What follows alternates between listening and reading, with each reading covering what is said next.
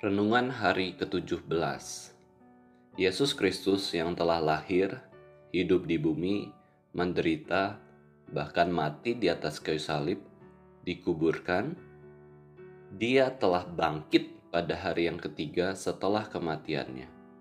Melalui kebangkitan Yesus dari kematian, kita memperoleh tiga manfaat. Manfaat pertama adalah kebangkitan Yesus menjadikan kita orang-orang yang mengambil bagian dalam kebenaran keselamatan yang telah Yesus lakukan melalui kematiannya. Kita diselamatkan dari hukuman dosa yang seharusnya kita tanggung di neraka yang kekal. Manfaat kedua dari kebangkitan Yesus, kita dibangkitkan oleh kuasanya pada hidup yang baru. Kita mendapatkan kuasa untuk menjalani hidup yang taat kepada Allah, seperti Yesus Kristus telah hidup. Manfaat ketiga, kita memperoleh jaminan pasti untuk kebangkitan kita sendiri dari kematian. Suatu hari nanti, kita akan dibangkitkan dengan tubuh kemuliaan dan memperoleh hidup yang kekal. Bapak, ibu, saudara yang terkasih, ketika Yesus mati, Yesus bangkit dengan tubuh yang berbeda kualitas tetapi tubuh yang tetap sama di dalam identitasnya. Tubuh kebangkitan Yesus ada bekas-bekas luka yang terlihat, tetapi tubuh Yesus juga yang sudah dibangkitkan penuh kemuliaan kebangkitan. Alkitab menyatakan peristiwa tersebut dengan begitu jelas. Bagaimana para murid melihat tubuh kebangkitan Yesus.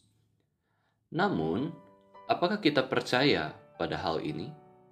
Apakah kita percaya pada kebangkitan Yesus? Jika kita percaya pada hal ini, itu bukanlah hal yang sederhana.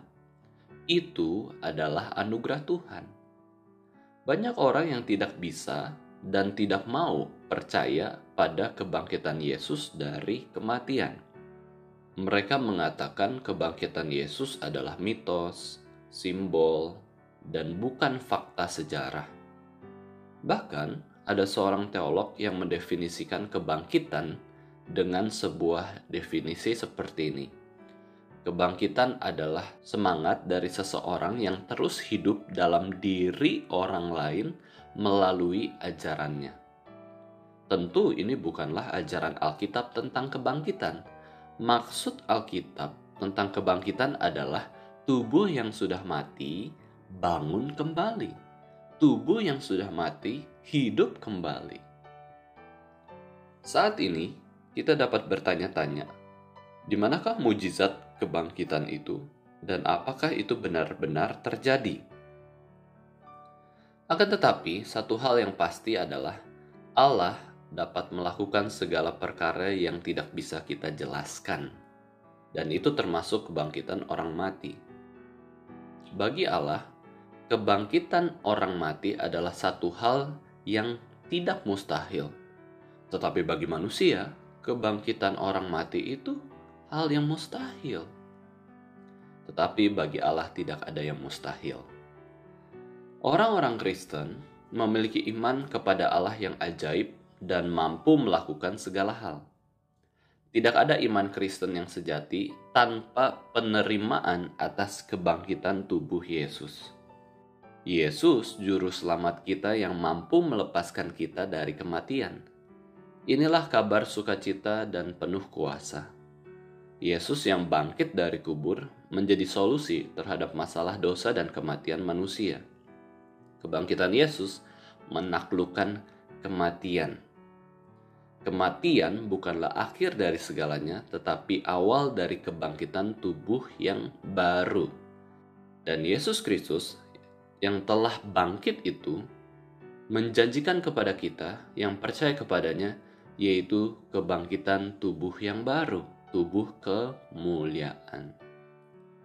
Bapak, Ibu, Saudara yang dikasih oleh Tuhan, ketika kita memahami kebangkitan Yesus Kristus, itu berarti Yesus telah mengalami kematian.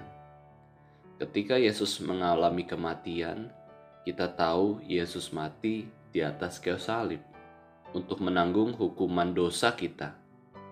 Dan ketika kita melihat Yesus yang sudah mati di atas kasalib, itu dia mati bukan karena dosa kita. Dia tidak berdosa. Dan ketika kita lihat dia menjalani kehidupannya di dunia, itu karena Yesus pernah lahir 2000 tahun yang lalu. Yesus, Allah, menjelma menjadi manusia untuk kita semua.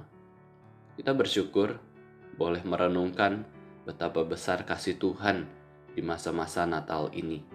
Yesus mau lahir bagi kita, Yesus mau hidup bagi kita, Yesus mau menderita untuk kita, Yesus mau mati di atas kasalib untuk kita, dan Yesus mau bangkit untuk kita juga, supaya kita hidup berkelimpahan di dalam Tuhan.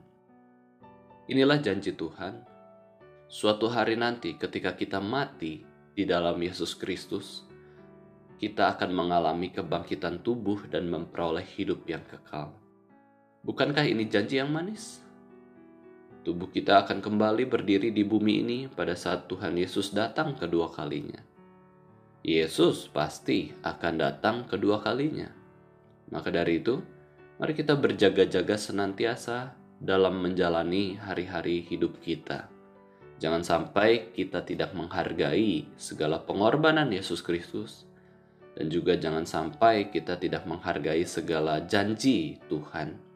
Marilah kita senantiasa melayani Tuhan Yesus dan taat kepada firman-Nya. Amin.